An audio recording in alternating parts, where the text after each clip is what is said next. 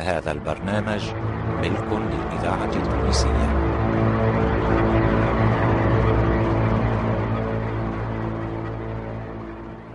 الإذاعة التونسية تقدم محمد المصمودي في دور الحاجب قيتون.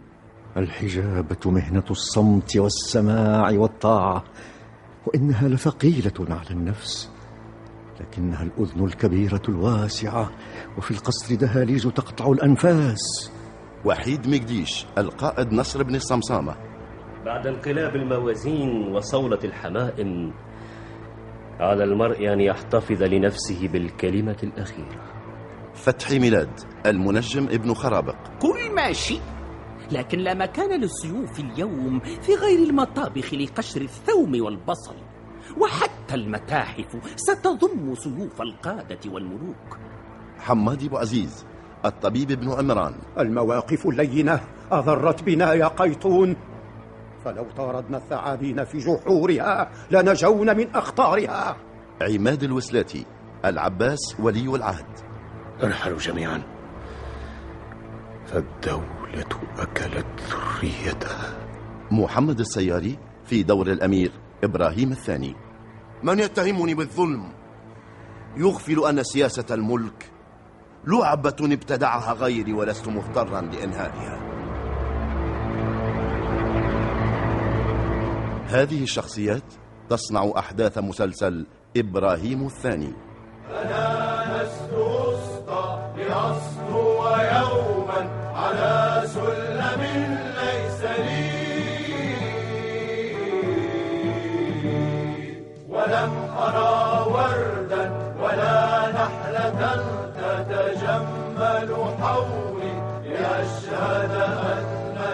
الحقيقة شهدي وأن بديع سليم إبراهيم الثاني نص. علي دب إخراج محمد السياري. أنا لست أسطى لأسطو يوما على سلم ليس لي ولم أرى وردا ولا نحلة تتجمل حولي لأشهد أن الحقيقة شهدي وأن بديع سليم كلما سلكت طريقا سده ابن خرابق بحائط. أي رجل هذا؟ إنه أشد ضراوة مما توقعنا. وها نحن بين مخالبه طيورا منتوفة الريش ينهش من هذا ويلتهم ذاك. إلى أين الفرار؟ أيها المتقولون علي تعالوا وانظروا إلى عجز قيطون. يا من جعلتموني أسطورة وشبحا فأطلقتم الذئب وقيدتم الشاة. إنه يعمل وحده في غير كلل كم نحن متهورون حين لقبناه بالمفلس. نوار. هل وصل أبي؟ يا صغيرتي الجميلة. هل وصل أبي؟ إنه في حضرة صاحب العظمة. لك أن تفخري بأبيك وقد صار كبير المنجمين. وهذا لقب لم يحمله غيره في إفريقية وبلاد العرب. سنحتفل به قريبا وبك أيضا. ما أكثر القناديل التي لمعت في هذا القصر.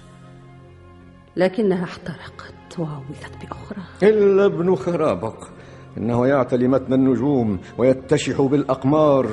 إنه مفخرة يا ابنتي. إذا كنت صديقا لأبيه فلا تدفعه للهاوية. هذا طريق المهلك وأنت صاحب رأي يا قيتون. إذا ما احتجت لعوني فلن أبخل عليك بالنصح. من يومين بعثت لك مع جمانة. والآن الآن فقط علمت سبب تأخرك. قال لي أبي إن اتفاقا يعد في سرية ونصحني بملازمة البيت. لقد عجزت وحدي عن معرفة الأهداف التي يسعى إليها أبوك وإنه لصديق كتوم ولو عرفت بعضها لساعدته على تحقيقها.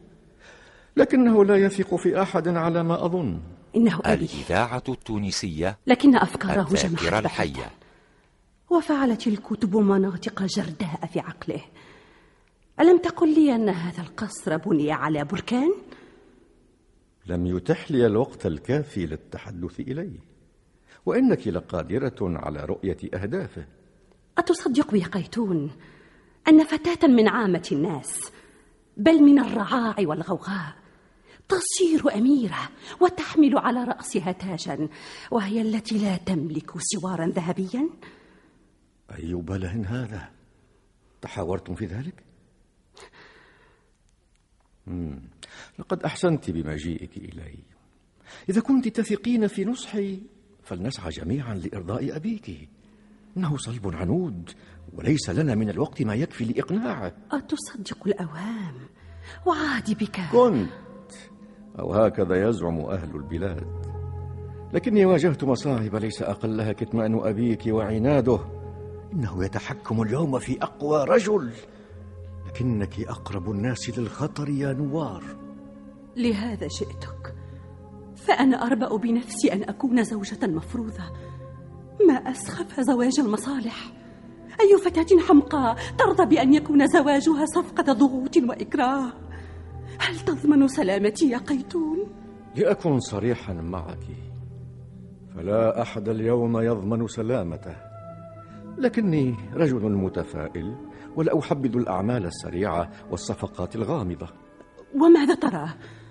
حرصي على مصلحة الأطراف جميعها أترضى لفتاة بريئة أن يحتفل بزواجها في المساء ليقطع رأسها في الصباح؟ إنها آخر حل والوضع يدفعنا إلى طريق واحد. ماذا لو أخطأ الجميع؟ أبي وأنت؟ وقتها لن نخسر غير رؤوسنا. وإنه لثمن زهيد لكني ما زلت متعلقة برأسي. إنني شيخ يا نوار. ولا أحد يكره رأسه. لكن لعبة الرؤوس صارت مفضلة في هذا العصر. أتعتقد أن أبي وحده يقف وراء هذه اللعبة؟ إذا قلت وحده لم أنصفه. إننا جميعا شركاء في هذه اللعبة. كانت مسلية حينما كنا متفرجين. أما وقد صرنا الأطراف المستهدفة فهذا أمر طبيعي طالما غفلنا عنه.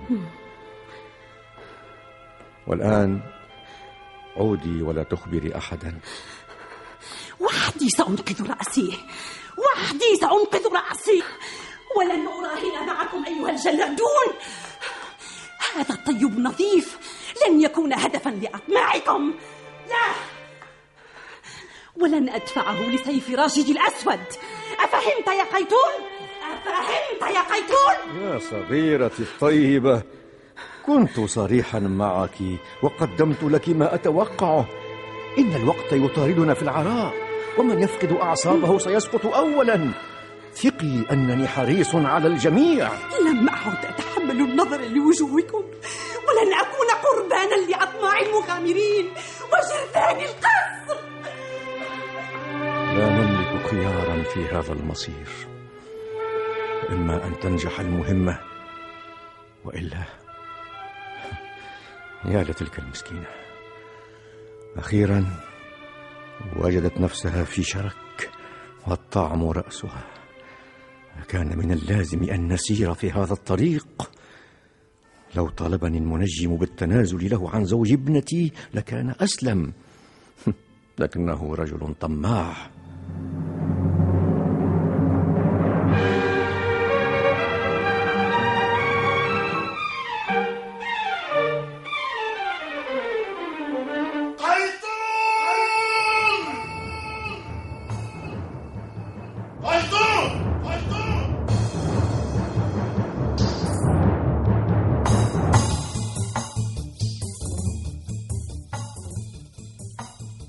قيتون مولاي. إذا وصل الطبيب دعه يدخل. فورا يا مولاي فورا.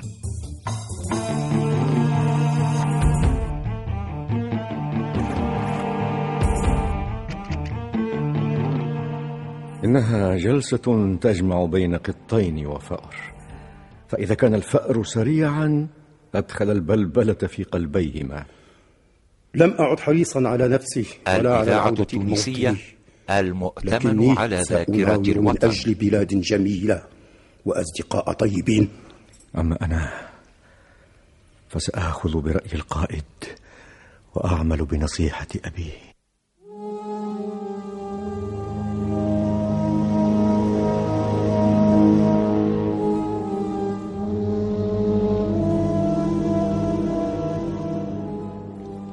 أشعر كما لو أن جسمي ينحل ذرات والغبار الكثيف يسد أنفي وعناكب ضارية تسكن ما بين الجلد واللحم.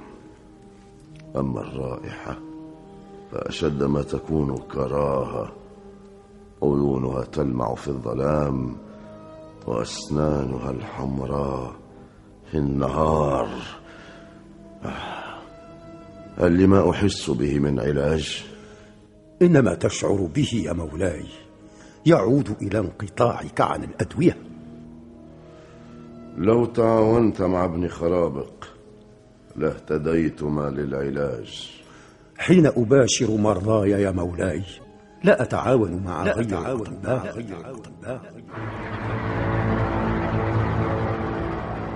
إلى اللقاء في الحلقة القادمة من مسلسل إبراهيم الثاني. أنا لست أسقى لأسطو يوما على سلم ليس لي. ولم أرى وردا ولا نحلة تتجمل حولي لأشهد أن الحقيقة شهدي وأن غدي عسلي. شارك في التمثيل نبيلة بالشيخ علي بن سالم فاطمة الحسناوي وسلاح العمدوني.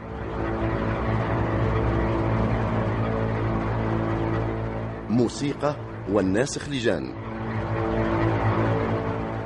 الهندسة الصوتية والتوليف صالح السفاري. مسلسل إبراهيم الثاني تأليف علي دب إخراج محمد السياري. أنا لست أسقى لأسطو يوما على سلم ليس لي